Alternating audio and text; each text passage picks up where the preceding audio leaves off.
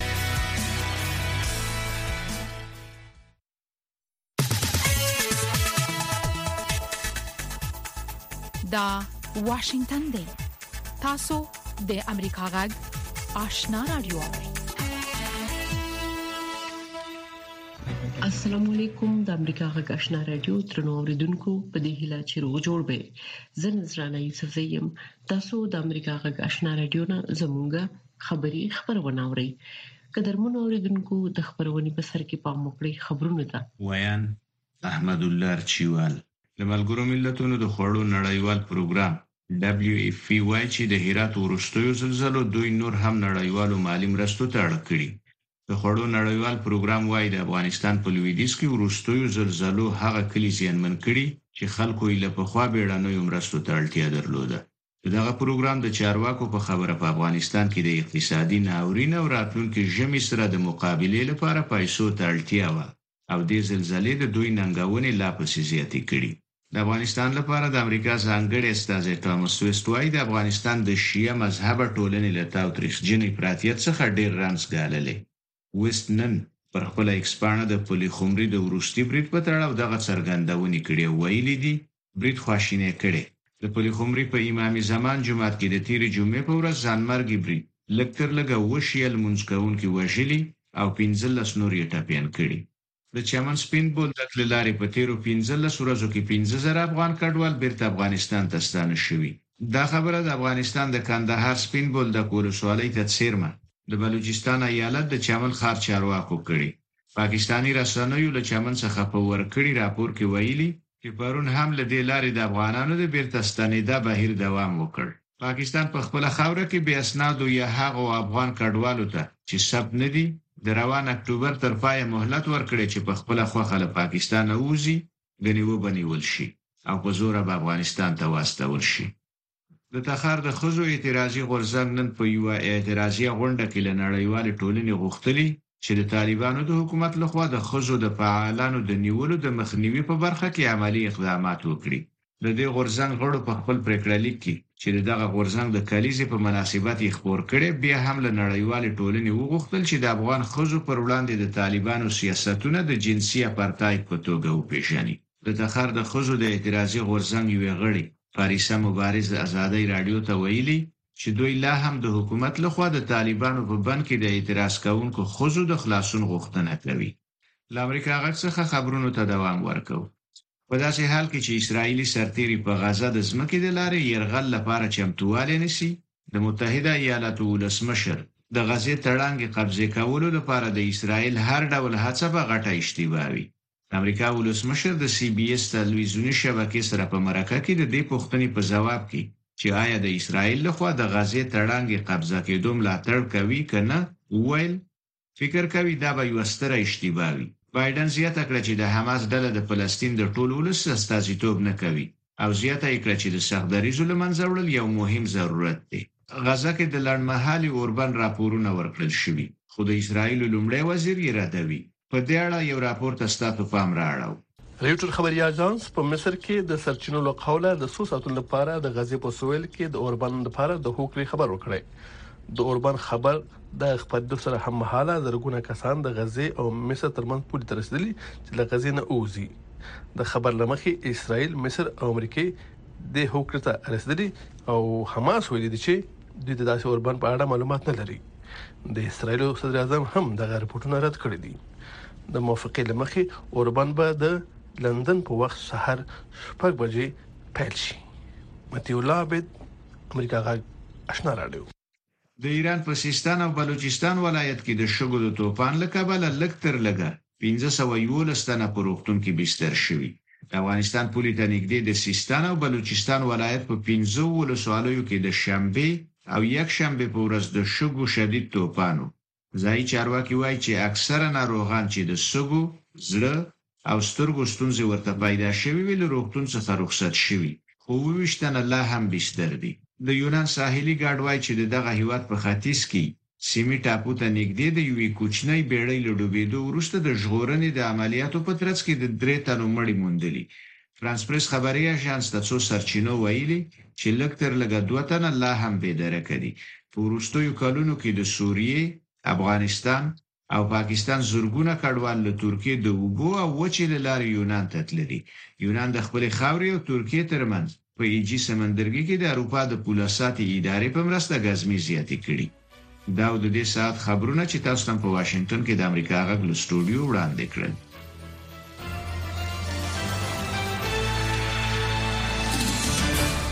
د امریکا غږشنا رادیو ترنو اوریدونکو تاسو خبرونه واوریدل په موکړی زموږه د خبرونې لومړی رپورت ده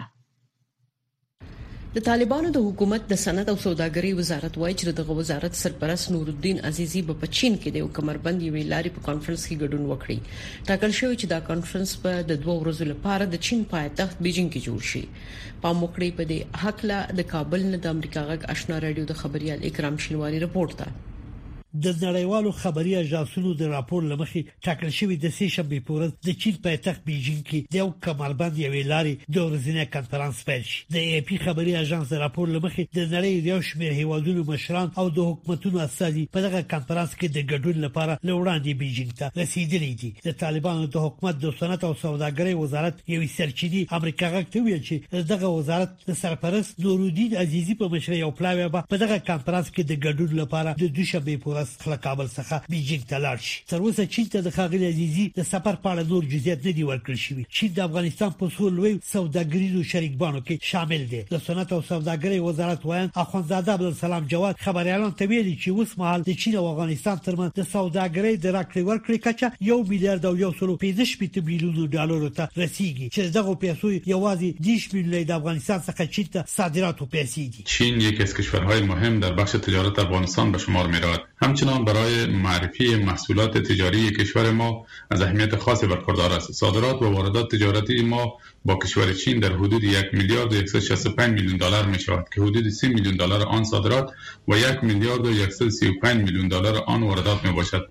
اقلام مهم صادراتی ما به کشور چین جلغوزه سیا، سنگ مرمر، پشمکار، کوسنگ های قیمتی و نیمه قیمتی می باشد و همچنان اقلام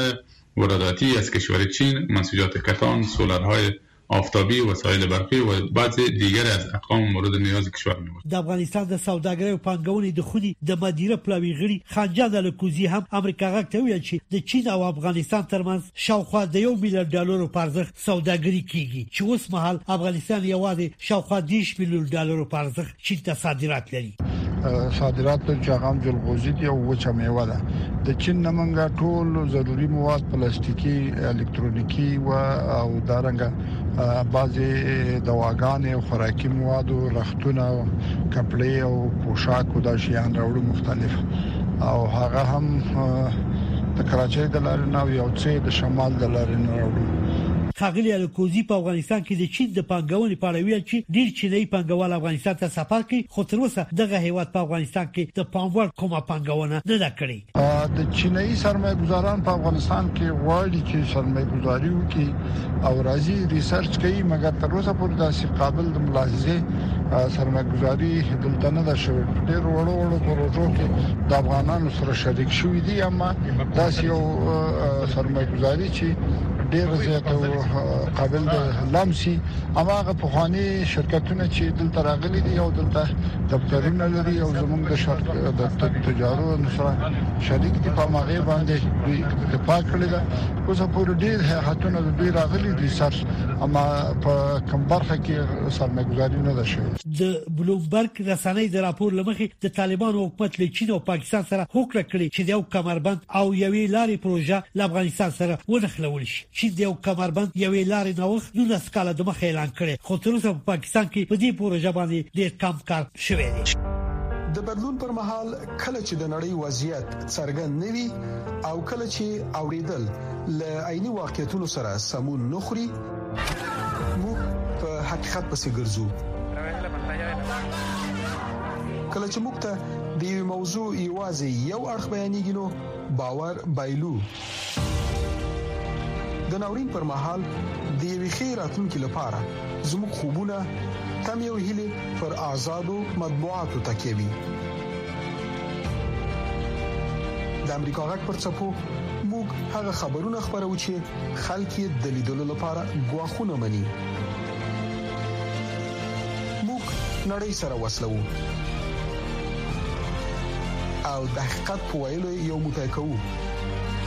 د امریکا غږ لاري موږ بشپړ انزور درکو د امریکا د متحده ایالاتونو ولسمشر جو بایدن ویل دي چې د اسرایل له خوا د غزې بیا نیول به یو لوی تیروتنه وي ولسمشر بایدن دا خبره له سی بي اس نیوز سره په داسې حال کې کړې ده چې اسرایلی پوځیان په غزې کې د حماس په ضد پراخو ځمکنیو عملیاتو لپاره چمتووالی نیسي په ورته وخت کې د اسوسییټډ پریس خبري اژانس اسرایل ته د ولسمشر بایدن د احتمالي سفر خبر ورکړی دی پام وکړئ د رپورت ته د اکتوبر په ومه د اسرایل دننه تر مرګونی حمله وروسته د اسرایل دفاعي ځواکونو ویلي دوی به د حماس ډله په بشپړه توګه لمنځه یوسي اسرایلی ځواکونو د ملکی فلسطینیانو غوښتي چې د اسرایل د هوایي حملو پیلېدلو مخکې باید د غزې له شمالي څنډو ووځي د اسرایل د دفاعي ځواکونو د ویاند سره ای بي سي په دې اړه مرکه کړې موږ وینو چې خلک په وتلو دي، په عین ډول موږ غواړو خیریه ټولنې د خلکو د تخلیې په پروسه کې مرسته وکړي او داسې ونه کړي چې د حماس سره ملګري شي او خلک پاتې کېدو ته وهڅوي. د امریکا جمهور رئیس جو بایډن وایي د غزې تړانګې قبضې کولو لپاره د اسرائیل هر ډول هڅه به غټه اشتباهي. جمهور رئیس بایډن د یکشنبې په ورځ د میزان په درویشتمه د سي بي اس ټلویزیوني شبکې د یوې پوښتنې په ځواب کې چې آیا د اسرائیل لخوا د غزې تړانګې د نیولو ملاتړ کوي که نه ویل دا به یوه ستره اشتباهي جمهور رئیس بایډن دا هم وویل چې د حماس ډله د فلسطین د ټول ولس استازیتوب نه کوي او د سخت دریزو لمنځه وړل یو مهم ضرورت دی د سپینې ماڼۍ د ملي امنیت سلاکار جک سالیوان د ای بي سي شبکې ته ویلي دا چې تر یو میلیون ډیر فلسطینیان غواړي د زیانمنېدلو مخکې د خپل سیمو ووزي امریکا د خپل ملګرو سره هڅه کوي د بیزه شوو لپاره د بشري اړینو مرستو ډاډ ترلاسه کړي موږ د خپلو اسراییلي همکارانو سره په تماس کې یو. موږ د ملګرو ملتونو سره هم په تماس کې یو ترڅو په غزه کې او هغو فلسطینیانو ته د خوړو، اوبو او درملو په څیر اړینو مرستو رسول یقیني شي چې د دغو وحشي ترهګرو سره چې همدا اونۍ یې برید وکړ، هیڅ تړاو نه لري. د تېرو دوه ورځو راهیسې د اسراییل او لبنان ګډې پولې ته څېرمه جګړه روانه ده. دا هغه ساحه ده چې د ایران په ملاتړ د حزب الله وسله واله ډله په کې فعاله ده. جمهوري غوښتونکی سناتور لینسي ګراهام چې په پام کې لري د مشرانو جرګه کې د دواړو ګوندونو د سناتورانو د یو پلاوي سره په نژدې ورځو کې سیمې ته لاړ شي، د تهران او د هغوی د متحدینو د ارادو په اړه خبرداری ورکړو چې غواړي په روانه جګړه کې فعال رول ولوبوي. که حزب الله چې د ایران نیابتي ډله ده په اسراییل یو لوی برید وکړي، زه به دا د اسراییل د دولت په وړاندې یو موجود طبي ګواښ وګڼم. زه به د امریکا مشراندو د جرګې نه یوه طرحه هم وړاندې کړم چې اجازه ورکړي امریکا د اسراییل سره په ګډه فوځي اقدام وکړي او ایران د تیلو له سوداګرۍ وباسي. ایران ته وایم که جګړه دې پراخه کړه، موږ د پسې درځو. بلخوا د امریکا د بهرنیو چارو وزیر انټوني بلېنکن چې په سیمه کې دی، د یکشنبې په ورځ یې د مصر د جمهور رئیس عبدالفتاح السیسي سره ولیدل. د هغه د ویاند ماتیو میلر په وینا، دواړو مشرانو د هغو ملکي فلسطینیانو سره د مرستو پر اهمیت ټینګار وکړو چې د جګړو له سیمو تېښتې ته اړ شوي دي. بلېنکن نن دوشنبه د لا نورو مشورو لپاره بېرته اسراییل ته ځي.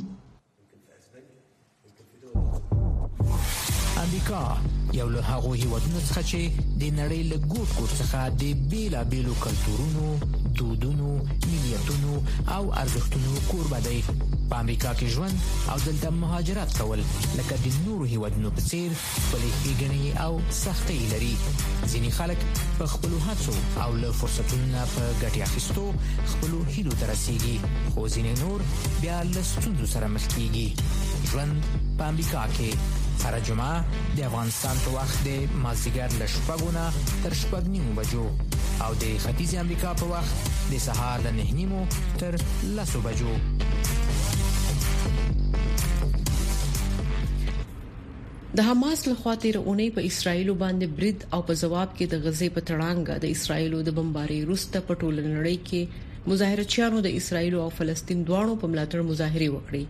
په لاس انجلس کې د فلسطیني او یهودي ټولنو غړو هم په منځني ختیځ کې د ناکرارۍ په غبرګون کې مظاهرې کړي. نور تفصیل په دې رپورټ کې. د اسرایل او فلسطیني وسلوالې ډلې د حماس ترمنځ د رواني جګړې په وخت په ټوله نړۍ کې په لسګونو زره خلک د خپل ملاتړ څرګندولو لپاره راوتلي دي په لاس انجلس کې د اسرایل پیوستون په نامه یو لاریون د یکشنبه په ورځ د زغم میوزیم ته نږدې تر سره شو کیرن ایویتال چې د اسرایل په اردو کې دنده تر سره کړې وویل چې اسرائیل او فلسطینیان به تر هغې یوځای ژوند ونه کړي تر څو حماس له منځه وړل شوی نه وي. موږ باید حماس له منځه یوسو. دوی باید لاړ شي. دا د تروریزم ملاتړ کوي. موږ د تروریزم ملاتړ نه کوو. موږ نه غواړو چې په ویره کې ژوند وکړو. په مظاهره کې یو برخوال میټ روزنبرګ وویل د هغوی د تر لور او د هغې میړه د اکتوبر په 9مه د حماس لخوا پر اسرایل په برید کې وجلې شویو هغه په هغوی د برید حال او د برید په وخت د هغوی د 14 کلن زوی سره د تماس نیولو کیسه وکړه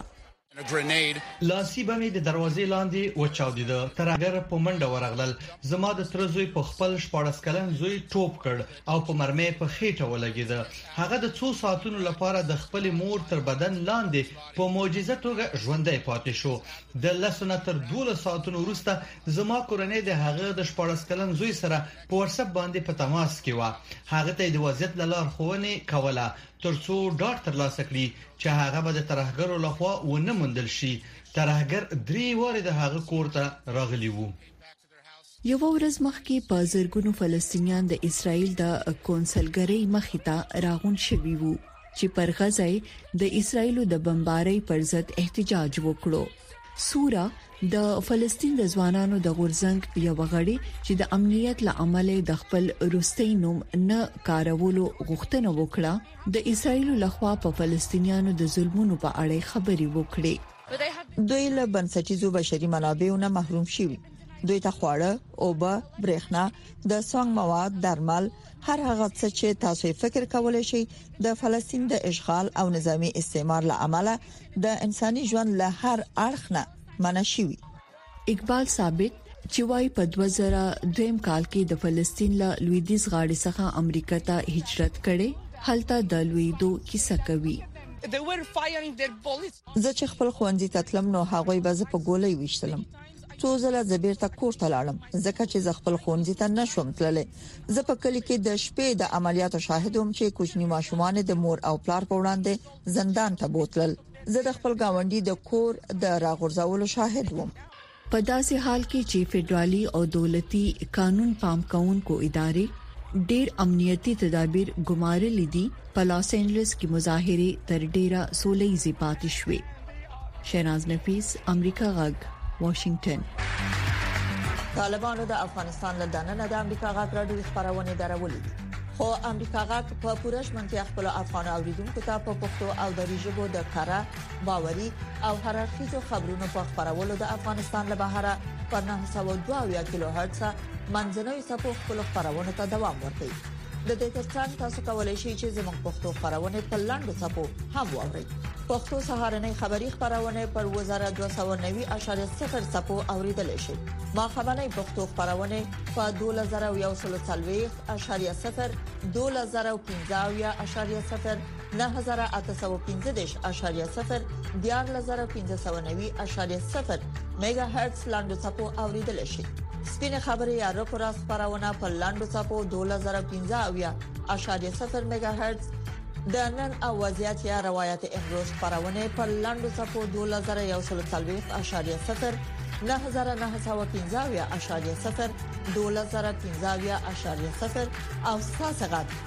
یا صداي شما خبرونه پر لاندو صفو 2513.0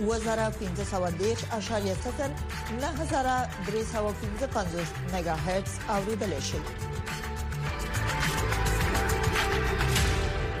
اکتوبر 14مه د خړو نړیوال ورځ ده په افغانستان کې د خړو برابرولو په برخه کې خیریه ټولنې وایي چې د غهواد ل دریو نه یو برخه وګړي نه پوهیږي چې بل ځل خواړه به د کوم ځای ترلاسه کړي په افغانستان کې د خړو نړیوال پروګرام وایي چې د هرات زلزلہ له وړاندې د سخت ناورین پر سر یو بل ناورین دی پام وکړئ د رپورت ته. هر کال د اکتوبر 14مه په نړۍ کې د خوړو نړیوالې ورځې په توګه لمانځل کیږي خو سږکال نړیوال او نړیوالې خیریه ټولنې دا ورځ په داسې حال کې لمانځي چې د افغانستان وګړي د خوړو نه لرلو له سخت ګواښ سره مخ دي. د دغه بشري ناورین د مدیریت لپاره موږ صرف کولی نه شو چې په بشردوستانه مرستو باندې اکتفا وکړو، بشردوستانه مرستې په لنډ مهال کې مقطعي ډول کولی شي د خلکو اقتصادي ستونزې حل کړي، خو که چیرې وغواړو چې دغه د افغانستان د خلکو اقتصادي ستونزې په دوامدار ډول حل شي باید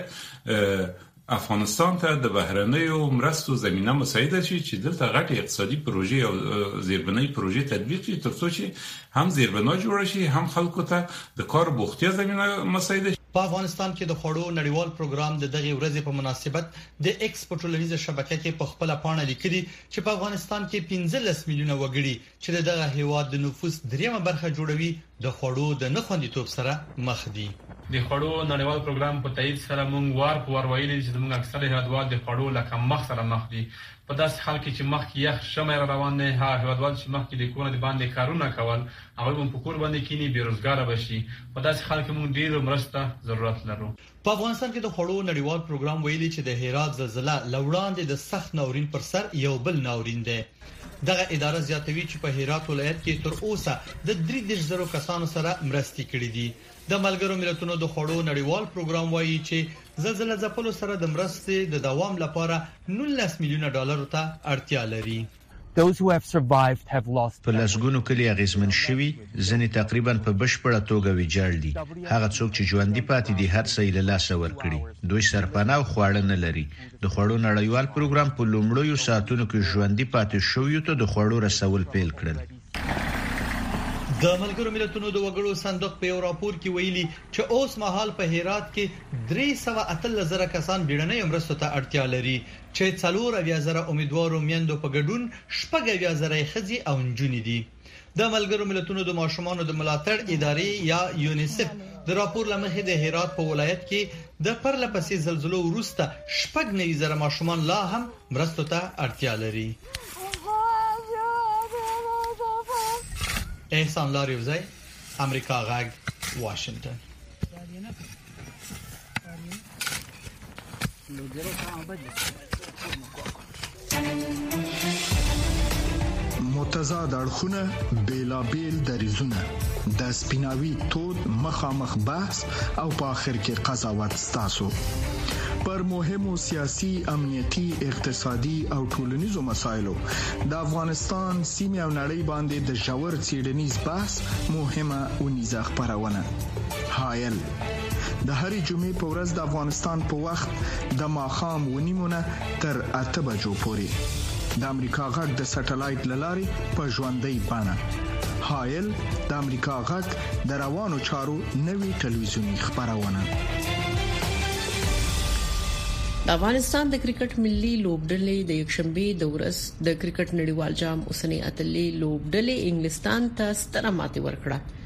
د کرکټ نړۍ یې حیرانه کړه د کرکټ ملي لوبغاړو مینوالو او مبصرینو د افغانستان په بری ډیره خوښي خوولې نور حال د متي الله عابد په رپورت کې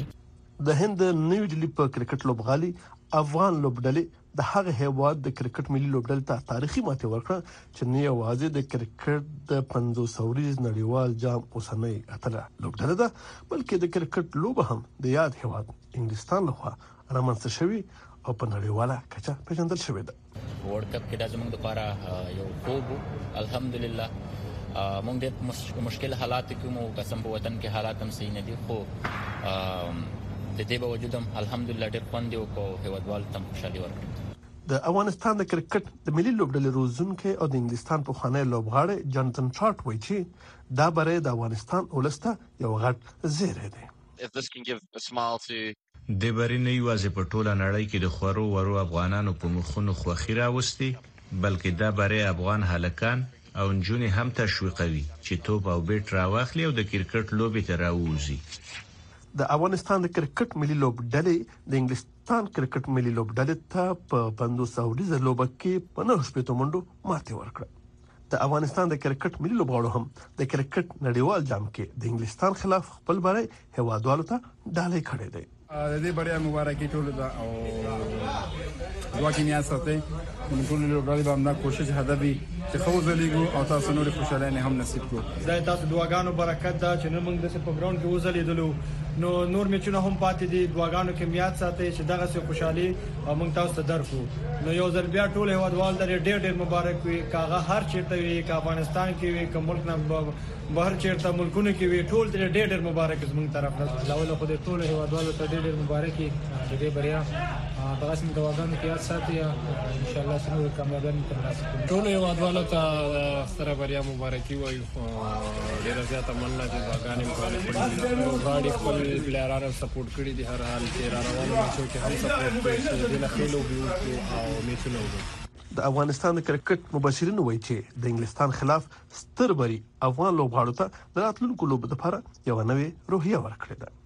زموږ لپاره ډیر ښه زیری د راتلونکي لوبې د نیوزیلینډ او د پاکستان مقابل کې چنای کې دي چې هغه د سپین لپاره جوړ ټرک وي ان شاء الله همدارس پونه او په لکنو کې هم هلي وي چې افغانستان کولای شي د غوي په مقابل کې چې سریلانکا او نیدرلند ټیمونه دي ښه لوبي وکړي چې نو وګټو ان شاء الله Definitely it is going to. دې بري د افغانستان لوبغاړو ته یوه روحیه ورکړي او راتلونکو لوبو ته په همدې مورال سره میدان ته ښکته کیږي. افغانستان زنده باد د افغانستان د کرکټ مینوالو د هوا د نن او بهر د انګلستان خلاف د خپل ملي لوبډلې برای په خوشاله یو او وطنونو مانځلې دي متي الله عبد امریکا غږ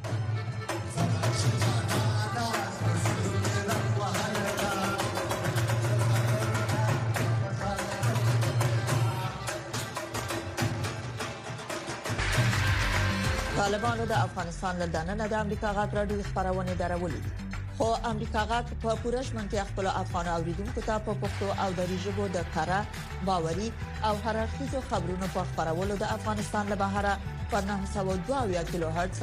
منځنوي سپو خپل خبرونه ته دوام ورکړي د دې ترڅنګ تاسو کولی شئ چې زموږ پښتو خبرونه په لاندو ټکو هم واورئ پښتو سهارنې خبری خبرونه پر 2290.0 سپو اوریدل شي ما خبرنې پښتو خبرونه په 2140.0 2015.0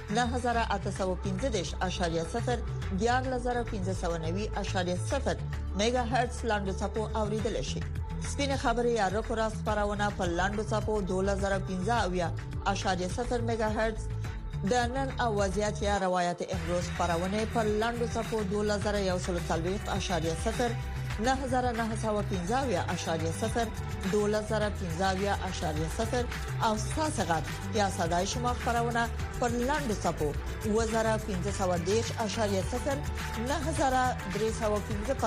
میگا هرتز اوریدل شي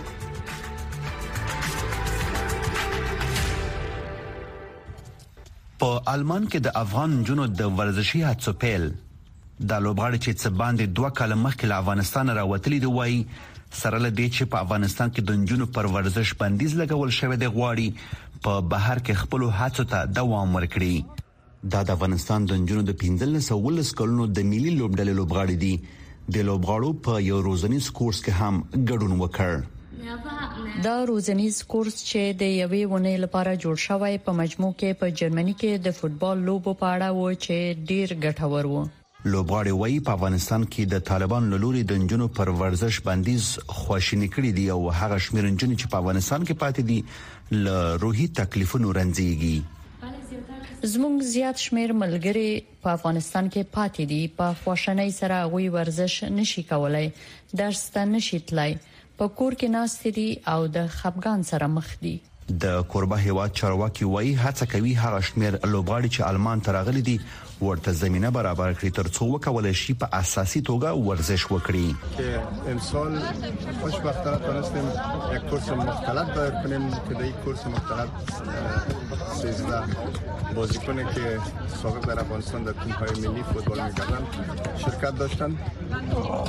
و ما امیدوار هستیم که بتوانیم